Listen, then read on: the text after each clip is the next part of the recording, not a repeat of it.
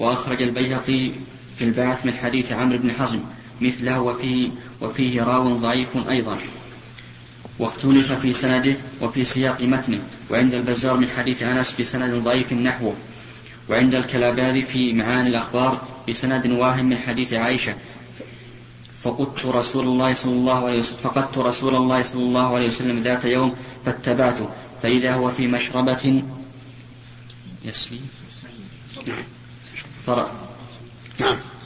فرأيت على رأسي ثلاثة فرأيت على رأسي ثلاثة أنوار. فلما فلما قضى صلاته قال رأيت الأنوار؟ قلت نعم. قال إن قال إن أتيا قال إن آتيا أتاني من ربي.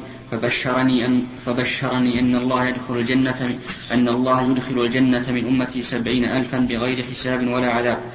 ثم آتي ثم أتاني فبشرني أن الله يدخل من أمتي مكان كل واحد من السبعين ألفا سبعين ألفا بغير حساب ولا عذاب ثم أتاني فبشرني أن الله يدخل من أمتي مكان كل واحد من السبعين ألفا المضاعفة سبعين ألفا بغير حساب ولا عذاب فقلت يا رب لا يبلغ هذا أمتي.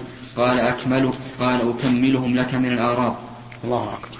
ممن لا يصوم ولا يصلي. قال الكلاباري المراد بالأمة أولا أمة الإجابة وبقول آخرا أمتي أمة الدع أمة الاتباع. فإن أمته صلى الله عليه وسلم على ثلاثة أقسام. أحدها أخص من الآخر أمة الاتباع ثم أمة الإجابة ثم أمة الدعوة. فالأولى أهل, فالأولى أهل العمل الصالح. والثانية مطلق المسلمين. والثالثة من عداهم ممن بعث إليهم. ويمكن الجمع بأن القدر الزائد على الذي قبله هو مقدار الحثيات. فقد وقع عند أحمد من رواية قتادة عن النضر بن أنس أو غيره عن أنس رفع أن الله وعدني أن يدخل الجنة من أمتي أربعمائة ألف. فقال أبو بكر زدنا يا رسول الله. فقال هكذا وجمع كفيه. فقال زدنا. فقال وهكذا. فقال عمر حسبك. فقال عمر حسبك. إن الله حسبك أن الله إن شاء أدخل خلقه الجنة بك. إن الله. حسبك أن الله. إن الله. إن الله ويحتمل الفتح اللي مفتوح إيه. يعني يصلح يصلح. إن شاء أدخل خلقه الجنة بكف واحدة. فقال النبي صلى الله عليه وسلم صدق عمر وسنده جيد لكن اختلف على قتادة في سنده اختلافا كثيرا. قوله فقام لي عكاشا المهم الحمد لله أن الأمر واسع لله الحمد. سبعين مع كل واحد سبعين ألف. اللهم الحمد.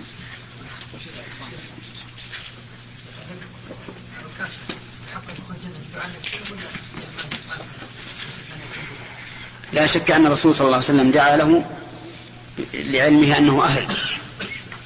ولهذا ذهب بعض العلماء إلى أن إلى أن النبي صلى الله عليه وسلم رد الرجل الآخر وهو من الأنصار لأنه لم يعلم عن حاله شيئا يوجب أن يخبره بأنه منه. فلولا أنه أهل ما دعا له الرسول ولا قال أنت منه. شيخ الله إليك. كلام كلام الحافظ رحمه الله على شيخ الإسلام رحمه الله بأن تغليظ الرواة غير صحيح. إي نعم هذا كلام الحافظ رحمه الله تحامل منه لا شك. لا شك كلام شيخ الإسلام حق. واضح جدا. وكونه وكونه يقول ان ان إن المرقي عليه يضعف توكله لا بينهما فرق. بين الذي يطلب الإنسان وتتعلق نفسه به ويتعلق بالسبب وبين شخص دخل عليه إنسان وقرأ عليه. ولو أردنا أن نقول هكذا لقلنا اذا الرسول ضعف توكله بقراءة جبريل عليه. لكن هو يعني رحمه الله ليس بذاك النشيط بالنسبة لشيخ الإسلام تيمية. حتى أني ما عمري سمعته قال إنه شيخ الإسلام إلا في هذا الموضع. أكثر ما يقول قال ابن تيمية. نعم؟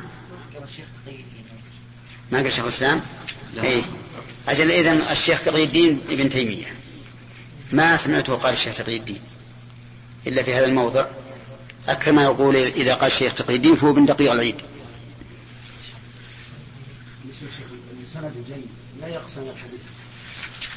اللي جيد يكون أقوى من الحسن بدون الصحيح. نعم.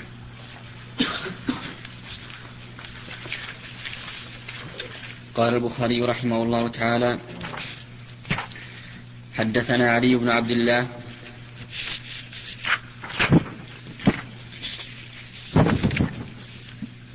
حدثنا علي بن عبد الله قال حدثنا يعقوب بن إبراهيم قال حدثني قال حدثنا أبي عن صالح قال حدثنا نافع عن ابن عمر رضي الله تعالى عنهما عن النبي صلى الله عليه وسلم قال يدخل أهل الجنة الجنة وأهل النار النار ثم يقوم مؤذن بينهم يا أهل النار لا موت ويا أهل الجنة لا موت خلود.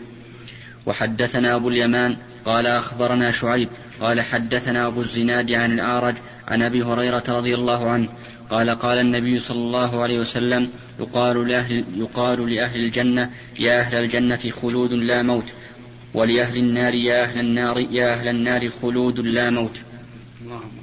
الله أكبر. ورد أنهم ينادون يا أهل الجنة ويا أهل النار فيشرئبون يطلعون. فيؤتى بالموت على صورة كبش أظنه أبيض. فيقال لهم هل تعرفون هذا؟ فيقول نعم. هذا الموت فيذبح بين الجنة والنار ويقال يا أهل الجنة خلود ولا موت ويا أهل النار خلود ولا موت. وهذا من قدرة الله عز وجل أنه يجعل المعنى شيئا محسوسا جسما يرى. والحكمة من هذا زيادة الطمأنينة بأنهم لن يموتوا. لأنه ليس الخبر كالمعاينة. فإذا شاهدوا الموت قد ذبح أمامهم اطمأنوا أكثر من من الخبر. وهذا نظير الأعمال الصالحة. توزن يوم القيامة بالميزان. مع أن الأعمال كما نعلم جميعا أمر معنوي انتهوا وخلص. لكن توزن تجعل أجساما فيزنها الله عز وجل. موازنة بين الحسنات والسيئات. نعم. قلنا يعني أن الذي يعني يرقى بدون بدون استرقاء يعني بدون طلب منه أنه يعني لا يدخل في هؤلاء يعني الذين يعني الذين يعني في السبعون ألف. نعم. نعم. لكن طيب إذا كان هو مثلا يعني يطلب بنفسه ولكن لا يتكلم وإذا يعني يتمنى. إيه يتمنى, يتمنى. نعم. ثم إذا رقاه الشخص ركن إليه. نعم. هذا لا شك أنه ليس كالإنسان الذي لم يتشوف. ولهذا قال الرسول عليه الصلاة والسلام لعمر ما جاءك من هذا المال وأنت غير مشرف ولا سعد فخذه. فبين الرسول عليه الصلاة والسلام أن استشراف النفس للشيء قريب من سؤاله لكنها ليست كالسؤال لا شك. دون. نعم. أقول هو دون هذا؟ والله أعلم. إن أخذنا بظاهر الله قلنا لا لا يمتنع أن يكون منهم وإن أخذنا بالمعنى قلنا يخشى أن يخرج من بينهم ولكن الطبيعة البشرية تقتضي أن الرجل إذا دخل عليه شخص ولا سيما من عرف بأنه من الراقين أو من كان من عادته أنه إذا دخل عليه يلقاه فلا شك أن النفس البشرية تستشرف في هذا الشيء وتتشوف له.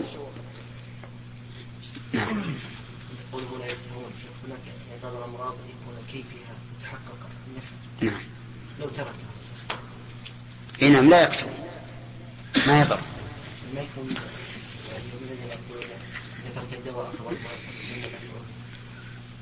لا هو مسألة ترك الدواء أو أو عدمه هذا شيء ثاني.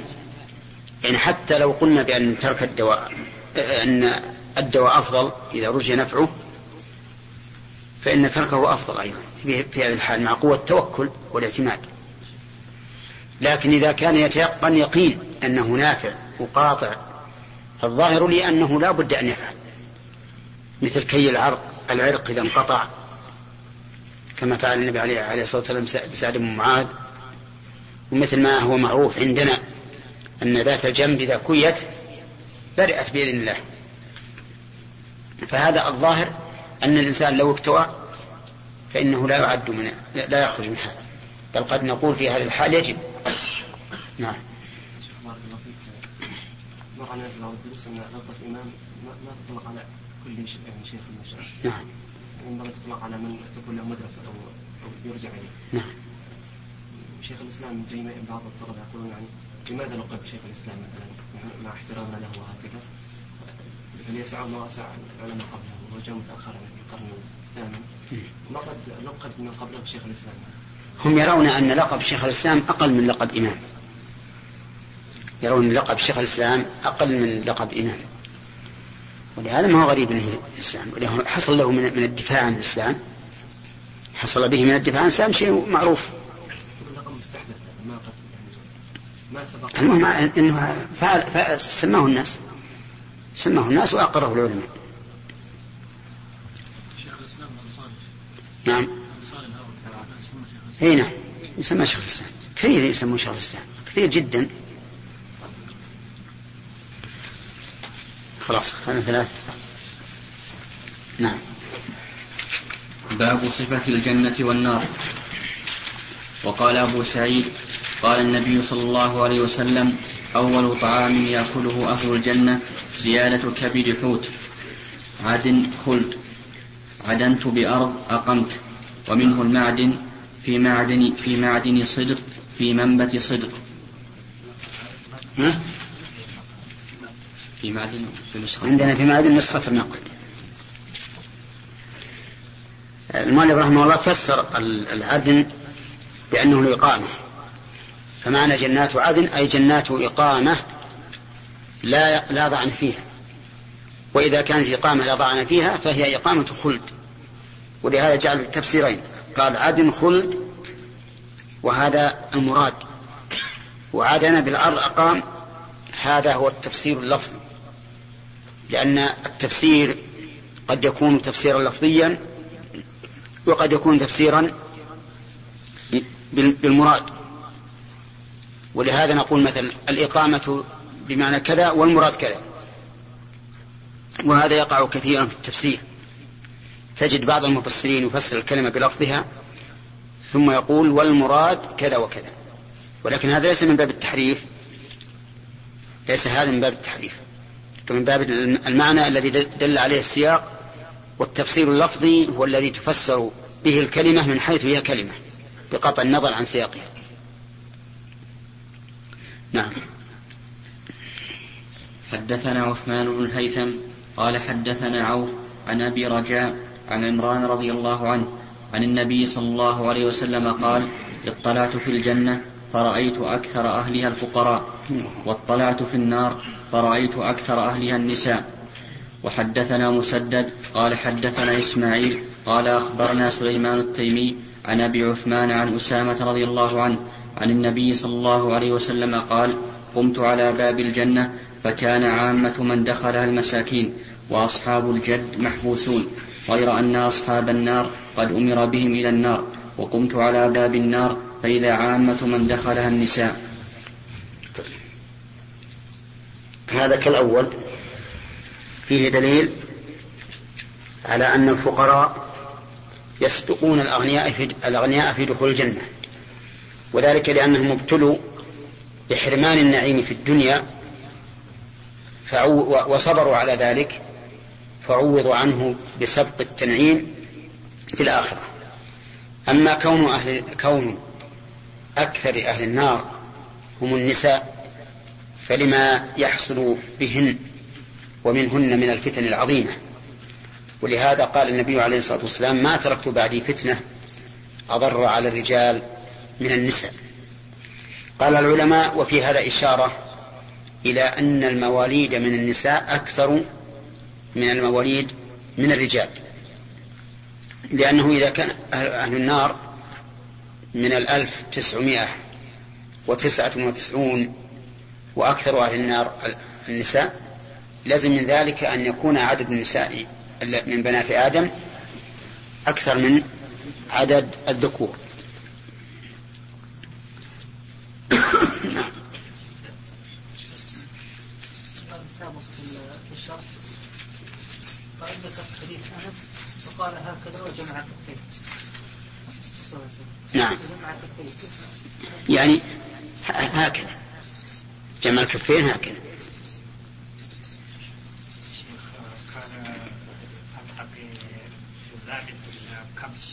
قال هذا يحيى بن زكريا. شلون؟ يحيى بن زكريا يذبح كبش الذي هو مسوع كبش أو وقيل هو جبريل يعني ما التقصيد بيحيى؟ إيش ما فهمت أنا ها؟ زكريا ولا جبريل؟ قال الذبح هو يحيى نعم بيجينا غادي مر علينا طيب نقرأ حدثنا معاذ بن أسد قال أخبرنا عبد الله قال أخبرنا عم- قال أخبرنا عمر بن محمد بن زيد عن أبيه أنه حدثه عن ابن عمر رضي الله عنهما. قال قال رسول الله صلى الله عليه وسلم إذا صار أهل الجنة إلى الجنة وأهل النار إلى النار جيء بالموت حتى يجعل بين الجنة والنار ثم يذبح ثم ينادي مناد يا أهل الجنة لا موت ويا يا أهل النار لا موت.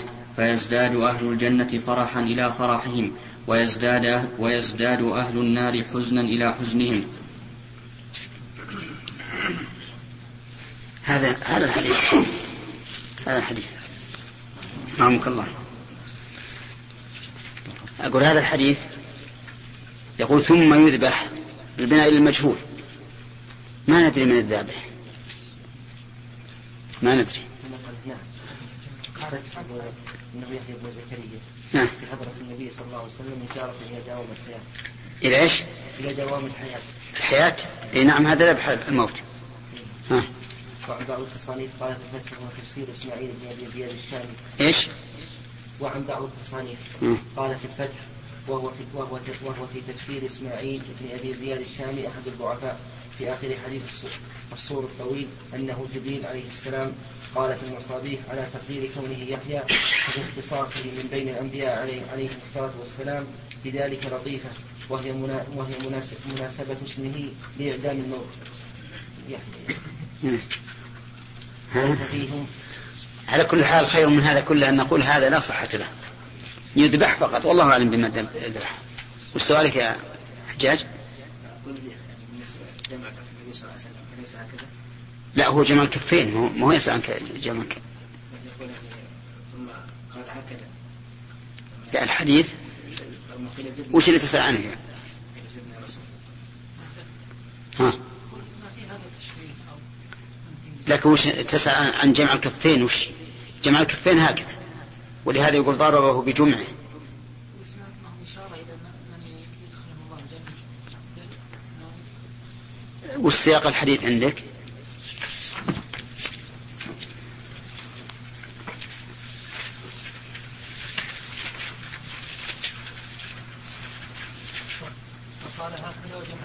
قبل قبل جمع الكفين عارفينها. الله عليه ان يدخل الجنه من امتي 400 الف فقال ابو بكر يا رسول الله فقال هكذا وجمع كفه إيه.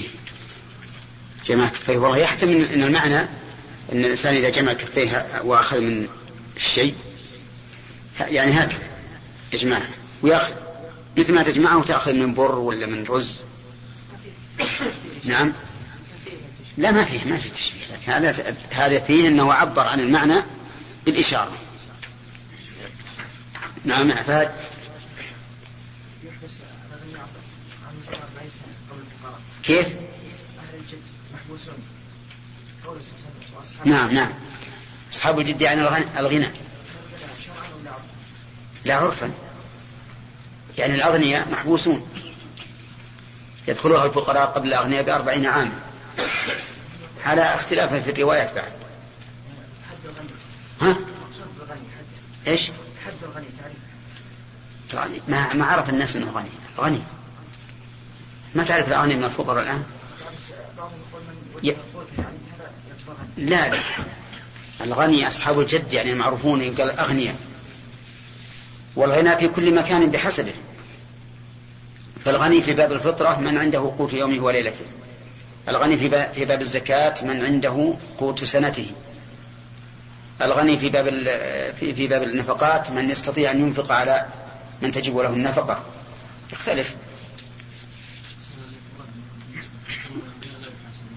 نعم. يحاسبون نعم ورد حديث أن النبي صلى الله عليه وسلم كان ساجد وقال اللهم حاسبني حسابا يسيرا ما أدري ما أعرف عن صحة اللفظ هذا ها؟ وش أجاب عنه؟ ما أدري لازم راجع نعم حدثنا معاذ بن أسد قال أخبرنا عبد الله قال أخبرنا مالك بن أنس عن زيد بن أسلم عن عطاء بن يسار عن أبي سعيد الخدري رضي الله عنه قال قال رسول الله صلى الله عليه وسلم إن الله تبارك وتعالى يقول لأهل الجنة يا أهل الجنة فيقولون لبيك ربنا وسعديك. فيقول هل, هل رضيتم؟ فيقولون وما لنا, وما لنا لا نرضى. وقد أعطيتنا ما لم تعط أحدا من خلقك. فيقول أنا أعطيكم أفضل من ذلك. قالوا يا رب وأي شيء أفضل من ذلك؟ فيقول أحل عليكم رضواني فلا أسخط عليكم بعده أبدا.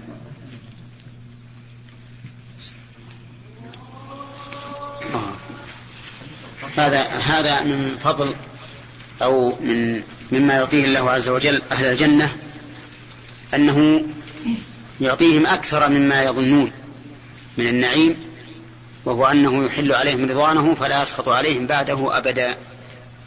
وكذلك أيضا ينظرون إلى الله عز وجل كما يرون القمر ليلة البدر. وهذه هي الزيادة المذكورة في قوله تعالى للذين أحسنوا الحسنى وزيادة. وفي هذا الحديث دليل على ما ذهب إليه أهل السنة والجماعة من إثبات القول لله تعالى بالحرف والصوت المسموع. ولهذا يجيب الله يخاطب الله أهل الجنة فيجيبونه ويخاطبهم مرة ثانية. وفيه أيضا إثبات الرضا لله وأنه من صفات الأفعال الفعلية لأنه قال لأنه قال أحل عليكم ولا فلا أسخط. فدل هذا على أنه قد يأتي السخط بعد الرضا وهذا يدل على أن الرضا من الأفعال أو من الصفات الفعلية. والقاعدة عند أهل العلم أن ما كان متعلقا بمشيئة الله فهو من الصفات الفعلية وما كان لازما لذات الله فهو من الصفات الذاتية. نعم ما لم أعطيك أحدا من خلق. كيف يعني قالوا هذا والعلم عند الله نعم هذا في حسب حسب اعتقادهم. إخبار الإنسان عما يعتقد ما ليس فيه شيء وإن خالف الواقع. مع أننا لا نعلم أن أحدا أفضل من أهل الجنة. نعم.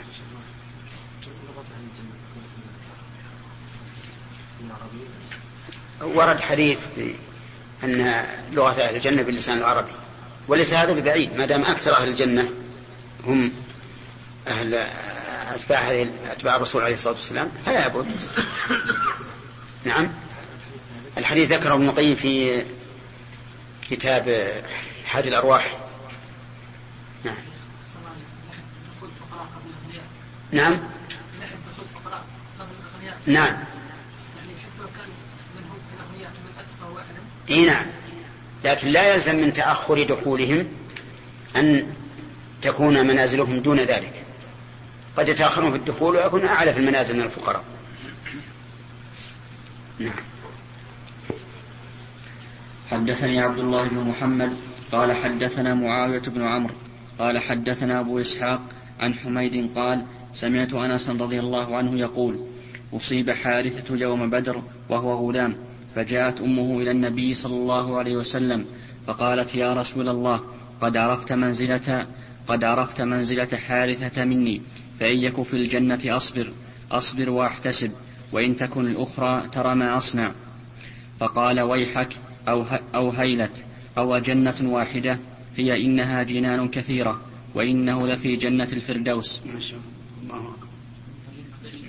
نعم؟ نعم. قبله. نعم. قال وحكي. أو هبيل لكنها نسخة. عندك ساقطة؟ لا عندي مضبوط. أو هبيل صح. نعم. من حارثة عندك؟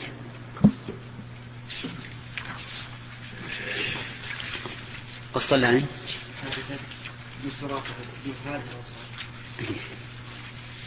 طيب هذا من الأنصار. يعني ليس هو أبو ليس هو أبا زيد بن حارثة لكنه من الأنصار وكأنه صغير. فجاءت أمه تسأل النبي عليه الصلاة والسلام فقال لها أو هابلت؟ يعني أصابك الهبال والهبال هو الخبال والجنون. وهذا موجود عندنا إحنا في اللغة العامية. إذا تكلم أحد بشيء مستبعد قال أنت مهبول. نعم. يعني فيك جنون. فقال أو جنة أو جنة واحدة. يعني أن الجنان أكثر من واحدة. إنها جنان كثيرة وإنه له في جنة الفردوس. الله أكبر.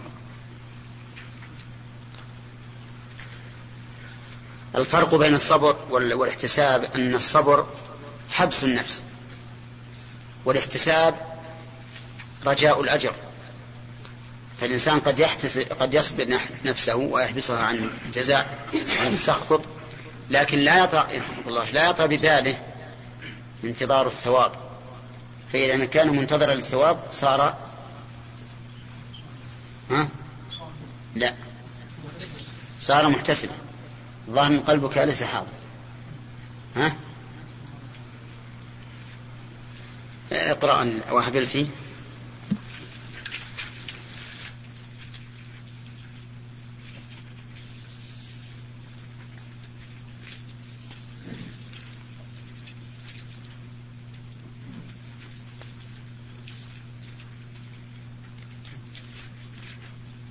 جاب الكلمة القسطلاني ترى هو زين بالكلمات يقول أو هبلتي بهمزة الاستفهام وهو العطف على فتح على مقدر وفتح الهاء وكسر موحدة وسكون اللام أي أفقدت أي أفقدت عقلتي مما أصابك من الثقل بابنك حتى جنة الجنة. ومعنى؟ أو أو جنة واحدة في بهمزة بهمزة وواو العطف على مقدر أيضا إنها جنان كثيرة في الجنة. نعم.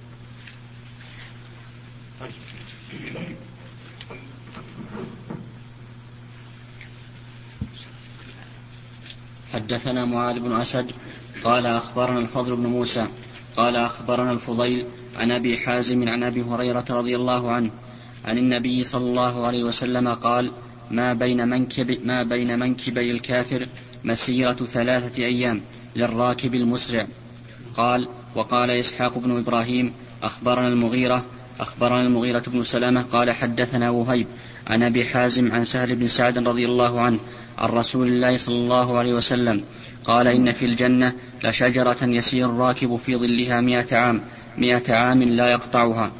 قال أبو حازم فحدثت به النعمان ابن أبي عياش فقال حدثني أبو سعيد عن النبي صلى الله عليه وسلم قال إن في الجنة لشجرة يسير الراكب يسير الراكب الجواد المضمر السريع مئة عام ما يقطعها. الله أما الحديث الأول ففيه دليل على أن الكفار يكونون بهذه المثابة ما بين منكبيه مسيرة ثلاثة أيام للراكب المسرع. نسأل الله العافية. يعني أنها تكبر أجسامهم. قال بعض العلماء من أجل أن تتوسع رقعة العذاب في البدن لأن رقعة العذاب تتسع باتساع البدن. أما أهل الجنة فقد سبق أنهم ستون ذراعا في الطول ورد أنهم سبعة أذرع في العرض فليسوا كأهل النار. النار أعظم أجساما وأضخم. وعندي والله أعلم مناسبة ثانية. وهي أنه كلما كبرت أجسامهم آه، زاد ملؤهم للنار. والله سبحانه وتعالى قد ملأ النار قد وعد النار ملأها حتى إنها يلقى فيها فتقول هل من مزيد؟ حتى يضع رب العزة عليها قدمه فينزوي بعضها إلى بعض وتقول قط قط يعني كفى أو حسبي حسبي. أما الثانية الحديث الثاني فحدث النبي عليه الصلاة والسلام عن شجرة في الجنة يسير الراكب المضمر الجواد سريع مئة عام لا يقطعها وهذا دليل على كبرها وعظمها. وهذه الجنة هذه الشجرة قيل إنها طوبى التي ترد كثيرا في القرآن وفي السنة. وقيل إنها غيرها. والصحيح أن طوبى ليست شجرة بل إن معناها الحياة الطيبة نعم. بقي عندنا إشكال في قوله في ظلها. في في ظلها. فكيف يكون هناك ظل والشمس وليس في في في الجنة شمس؟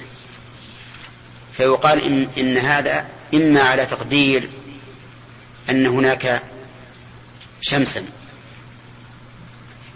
أو يقول, أو يقال إن الجنة لها جهة معينة تكون أشد إضاءة من الجهات الأخرى وحينئذ يكون هناك ظل للأشجار. والأول أقرب الأول عندي أقرب. نعم.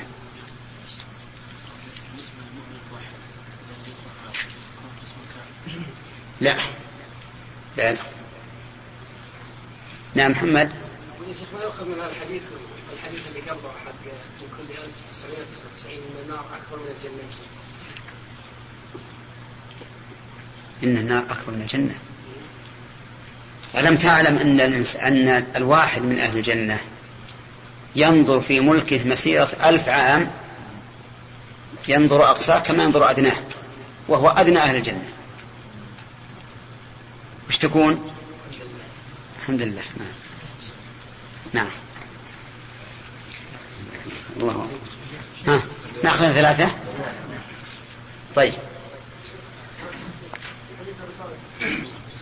بين شحن شحن إلى عدده 700 عام كيف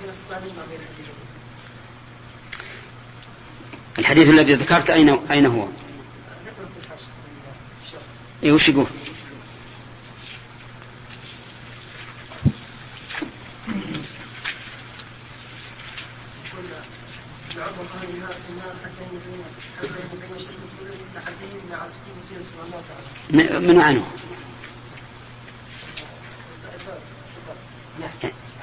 عن أحمد؟ وش سنده؟ ابن عمر مرفوعا يعظم أهل النار في النار حتى أن ما بين أذن أحدهم إلى عاتقه مسير سبعمائة وفي الزهد بن مبارك في سند صحيح عن أبي هريرة ضرس الكافر يوم القيامة أعظم من أحد. يعظمون لتمتلئ منه وليذوقوا العذاب. حكم الرافع لأنه لا مجال للرأي فيه والأخبار في ذلك كثيرة لا نضل حكم الرافع عندي شيئين؟ نفسه مختصر. لكن العلة اللي ذكرت وردت مرفوعة ها؟ أقول العلة اللي ذكرت. يقول لتمتلئ يعظمون لتمتلئ. وذكرها مرفوعة نعم الحمد لله. هذا من التوفيق. طيب الظاهر أن إذا صح حديث أحمد إذا صح فهو والله أعلم إما بعد دخولهم إياه أو أن هذا بالعرض وذاك بالطول. لأن ما بين شحمة الأذن إلى العاتق طولا وما بين المنكبين عرضا. فيكون هذا كناية عن طول عن طول أعناقه هنا.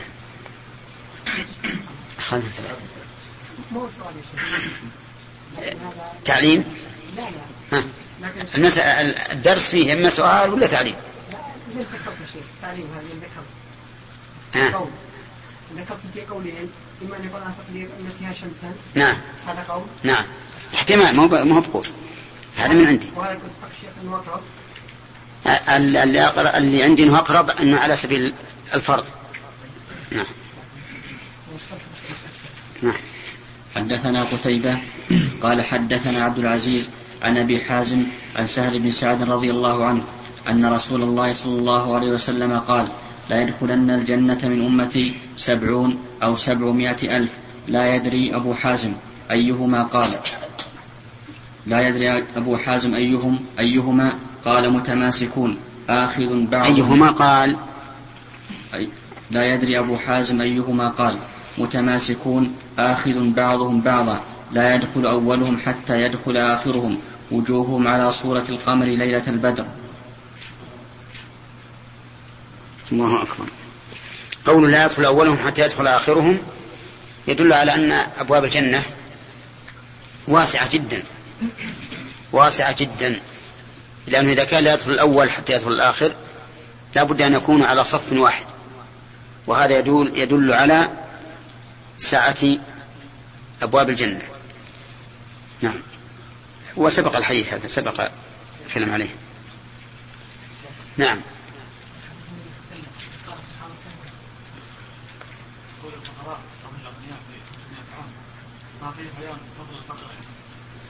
لا ما يدل على هذا. الفقر ما هو الفقر من الله عز وجل. كم من إنسان يطلب الفقر ولا يصير فقير يجي يجيه المال من حيث لا, لا يحتسب. وكم من إنسان يطلب المال ولا يحصله ما يكون الشيخ ينزل على أن بعض الكفار تضاعف يعني تكبر يسلمون أكثر أكبر من بعض. يكون لا بس ما في تعارض حتى نحمله على هذا. ما في تعارض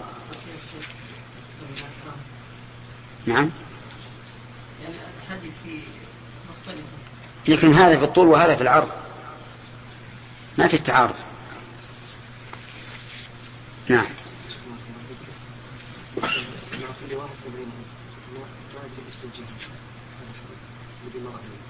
إيه.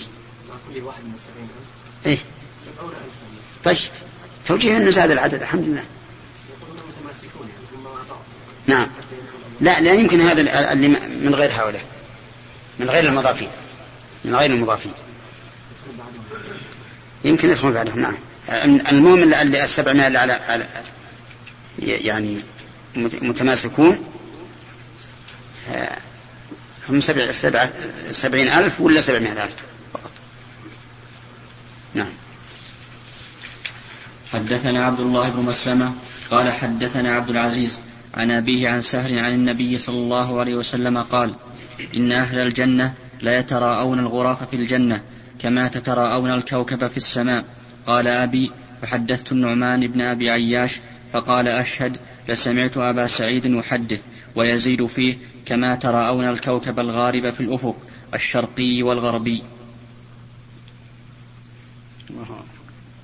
سبق الكلام عنه وحدثني محمد بن بشار.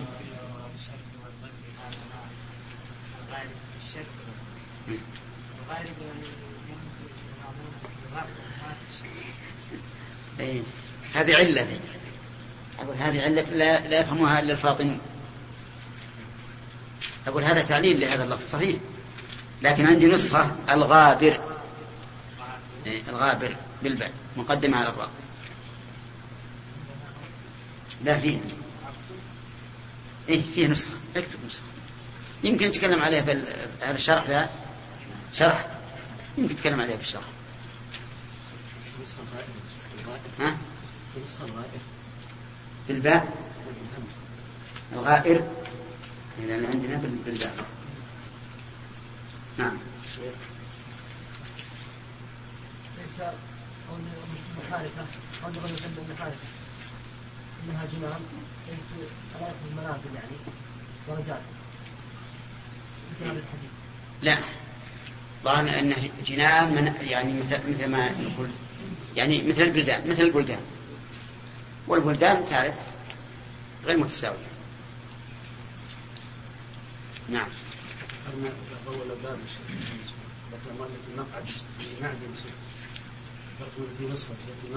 نعم.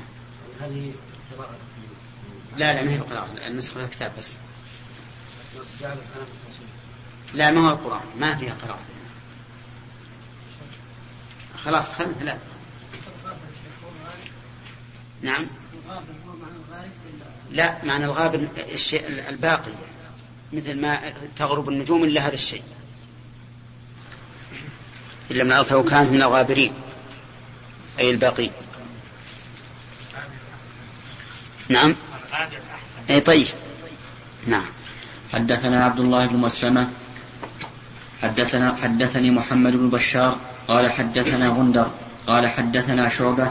عن أبي عمران قال سمعت أنس بن مالك رضي الله عنه عن النبي صلى الله عليه وسلم قال يقول الله تعالى يقول الله تعالى لأهون أهل النار عذابا يوم القيامة لو أن لك ما في الأرض من شيء أكنت تفتدي به؟ فيقول نعم. فيقول أردت منك أهون من هذا وأنت في صلب آدم ألا تشرك بي شيئا فأبيت إلا أن تشرك بي.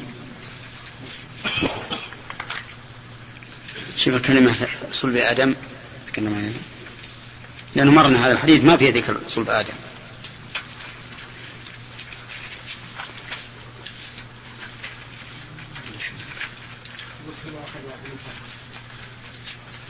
بس؟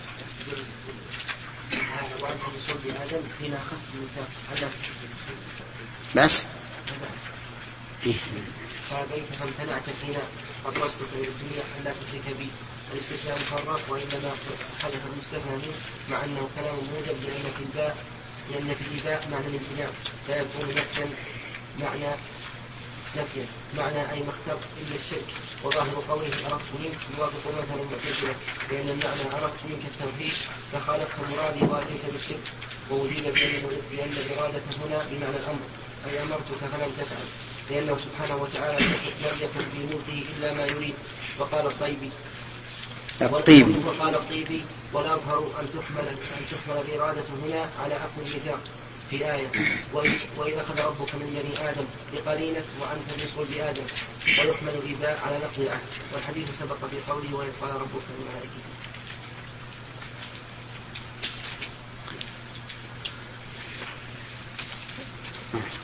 قريب. قريب. لأن حديث أخذ العهد في الميثاق وانفصل بآدم تكلم فيه الناس كثيرا فمنهم من صححه ومنهم من ضعفه وقال إن قوله تعالى وإذ أخذ ربك من بني آدم من ظهورهم ذريتهم وأشهدهم على أنفسهم ألست بربكم؟ إن هذا وما ركز الله تعالى في الفطر والعقول من الوحدانية والإيمان بالله عز وجل. ولهذا قال من بني آدم ولم يقل من ظهورهم ولم يقل من ظهرهم. فالجمع يدل على أن المراد بنو آدم أنفسهم. أن الله أخذ عليهم وهم في بطون أمهاتهم وذلك بما ركز الله في قلوبهم من الفطرة. والمسألة مبسوطة في شرح الطحاوية. على كل حال الشاهد من هذا أن أهل النار يودون أن يفتدوا بهم الأرض ذهبا ولكنه لا يحصل لهم ذلك. نعم. نعم. الله. المؤمن عصاة المؤمنين الذين يدخلون النار يعني يموتون أو يحيون فيها الآن يدخلون الله أعلم. لكن الأحاديث واردة بأنهم يكونوا فحم فحما. وإذا كانوا فحما وأنهم يوضعون في في ماء الحياة وينبتون كما تنبت البقلة. وهذا يدل أنهم ماتوا. لأنهم هم ليسوا كأهل النار الذي يراد تعذيبهم أهل النار لا يموتون ولا يحيون. لا يموتون ميتة يستريحون بها ولا يحيون حياة كريمة. لكن هؤلاء ظاهر السنة أنهم يموتون. إلى أن تنتهي نعم. يعني عذبوا ما شاء الله فإذا ماتوا أخرجوا الله أعلم. ما ما نقدر نلزم بشيء. لكن قول أنهم يكونوا حمما فحما يوضعون في ماء يقال ماء الحياة في نهر يقال له ماء الحياة وينبتون فيه. نعم. حدثنا أبو النعمان قال حدثنا حماد عن عمرو عن جابر رضي الله عنه أن النبي صلى الله عليه وسلم قال يخرج من النار بالشفاعة يخرج, يخرج من النار بالشفاعة كأنهم الثعارير. قلت ما الثعارير؟ قال الضغابيس. وكان قد, وكان قد سقط فمه. فقلت لعمرو بن دينار أبا محمد سمعت جابر, سمعت جابر بن عبد الله يقول سمعت النبي صلى الله عليه وسلم يقول يخرج بالشفاعة من النار؟ قال نعم. وحدثنا هذا قول يخرج بالشفاعة البل السببية. والشفاعة هي توسط الغير بجلب منفعة أو دفع مضرة. وقد قسم العلماء رحمهم الله الشفاعة إلى قسمين. خاصة بالرسول عليه الصلاة والسلام وعامة. فالخاصة بالنبي صلى الله عليه وسلم ثلاثة أنواع. النوع الأول الشفاعة في أهل الموقف أن يقضى بينهم. وذلك أن الناس في موقف يوم القيامة يلحقهم من الغم والكرب ما لا يطيقون. فيقول بعضهم لبعض ألا تذهبون إلى من يشفع لنا عند الله؟ فيأتون إلى آدم ويذكرون له من مناقبه ما يرون أنه صالح للشفاعة بواسطته ولكنه يعتذر لأنه نهي عن الأكل من الشجرة فأكل منه.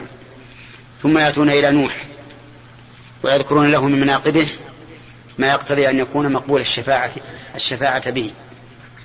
ما يقتضي أن يكون مقبول الشفاعة به ولكنه يعتذر. ثم إلى إبراهيم ثم إلى موسى ثم إلى عيسى ثم يحيلهم عيسى إلى محمد صلى الله عليه وسلم فيشفع بإذن الله.